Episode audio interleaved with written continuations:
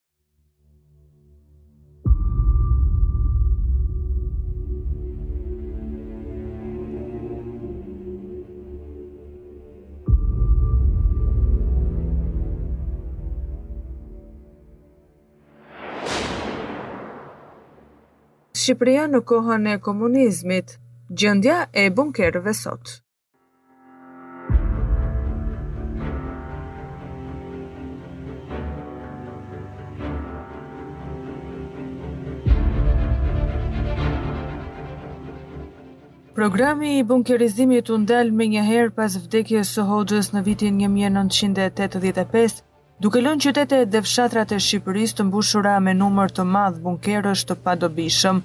Ata ende mbizotërojnë në peizazhin shqiptar.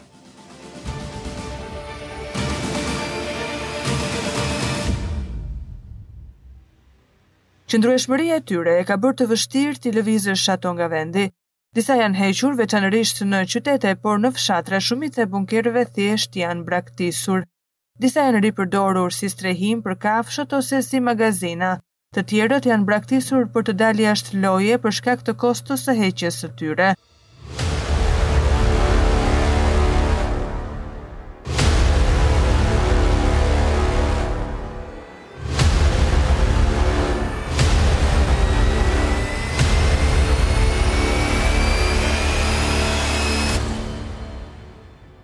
Sekreti ekstrem i regjimit komunist nënkupton që qeveritë post-komuniste të Shqipërisë nuk kishin informacion se si ishin përdorur bunkerët ose madje sa ishin ndërtuar.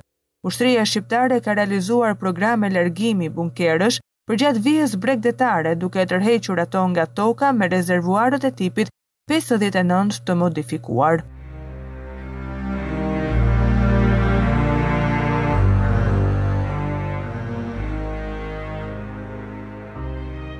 Megjithëse bunkerët nuk u përdorën kurrë në një konflikt të vërtetë gjatë sundimit të Hoxhës, disa gjetën përdorim në konfliktet që shpërthyen në vitet 1990. Gjatë rebelimit të vitit 1997 në Shqipëri, banorët e zonës së Sarandës në Shqipërinë e Jugut u raportuan se kishin zënë pozicione në bunkerë rreth qytetit përballë trupave qeveritare.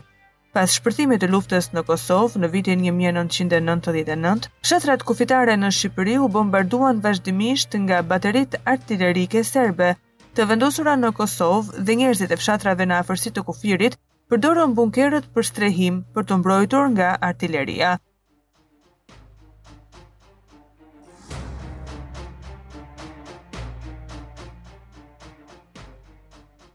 Refugjatët shqiptarë të Kosovës përdorën bunkerët si strehim të përkohshëm derisa agjencitë e ndihmës mundën të ndërtonin kampe me çadra ndërsa trupat e NATO-s të stacionuara në Shqipëri zhvendosën dhjetra bunkerë për të forcuar bazën e tyre në Kukës. Ushtria Çlirimtare e Kosovës gjithashtu i përdori ato si pozicione mbrojtëse gjatë luftës së Kosovës, edhe pse kjo nuk ishte pa rreziqet e saj.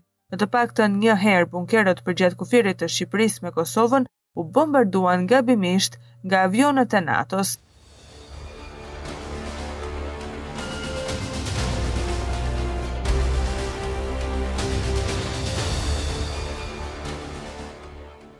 Një mungesë akute e strehimit pas rënies së regjimit komunist në vitin 1990 bëri që disa shqiptarë të vendoseshin për strehim në bunkerët e braktisur, ndonëse mungesa e ujit të rrjedhshëm dhe kanalizimeve Do të thoshte, se zonat rreth bunkerëve të banuar shpesh u bënë ndotur dhe sëmurë.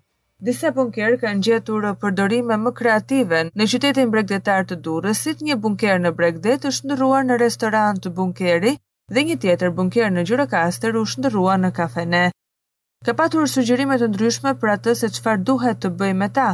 Idetë kanë përfshirë furrat e picave, ngrohësit diellorë, kosheret, fermat e kërpudhave, dhomat e projektimit për kinemat, kasole, mbjellësat e luleve, hostela dhe kioska.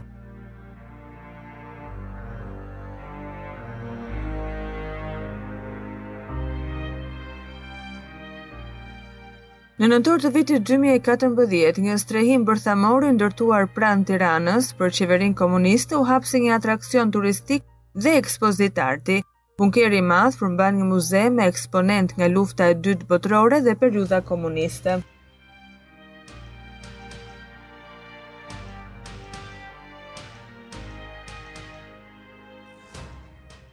Bunkerët e Shqipërisë janë një lloj simboli për vendin.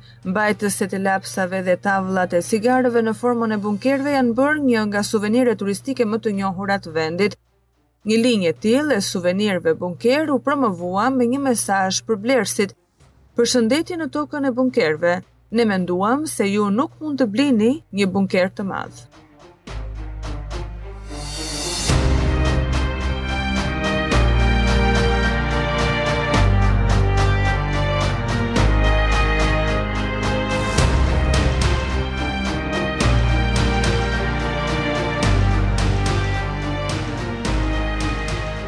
Ndoqët Shqipëria në kohën e komunizmit, gjendja e bunkerëve sot.